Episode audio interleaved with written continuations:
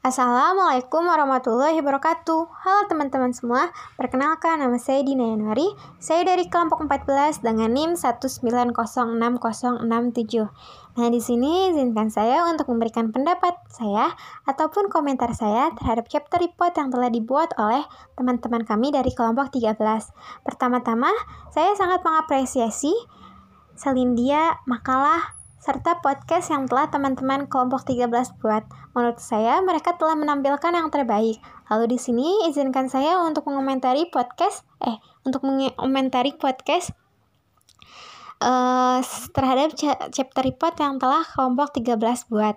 Menurut saya, pada bagian inti sari babnya, teman-teman dari kelompok 13 kurang mendalami materinya. Jadi jadi di sini tuh teman-teman dari kelompok 13 dalam intisari babnya hanya menjelaskan ada berapa sebab-sebab yang ada di chapter ini dan apa saja sebab-sebabnya serta kelebihan dan kekurangannya. Menurut saya, mereka kurang dalam memberikan penjelasan mengenai intisari bab ini.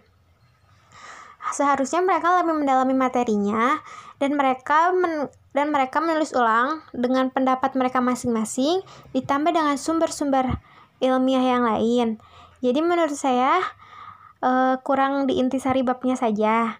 Jadi untuk ke depannya saran saya semoga di intisari babnya teman-teman dari kelompok 13 lebih bisa mendalami materinya lagi. Nah mungkin cukup sekian pendapat atau komentar yang bisa saya berikan terhadap chapter report yang telah dibuat oleh teman-teman kelompok uh, eh, 13 ini. Lalu di sini izinkan saya untuk memberikan pertanyaan kepada teman-teman dari kelompok 13. Nah, kan di sini mereka membahas mengenai implementasi IPS dalam kehidupan khususnya dalam penerapan proses belajar pendidikan kewarganegaraan di kelas maupun di luar kelas. Nah, jadi di sini pertanyaan saya adalah bagaimana menurut kelompok kalian bagaimana mengimplementasikan ilmu pengetahuan sosial dalam kehidupan khususnya dalam penerapan proses belajar pendidikan kewarganegaraan di negara Indonesia ini. Nah, mungkin cukup sekian pendapat dan pertanyaan yang bisa saya beri untuk teman-teman kelompok 13.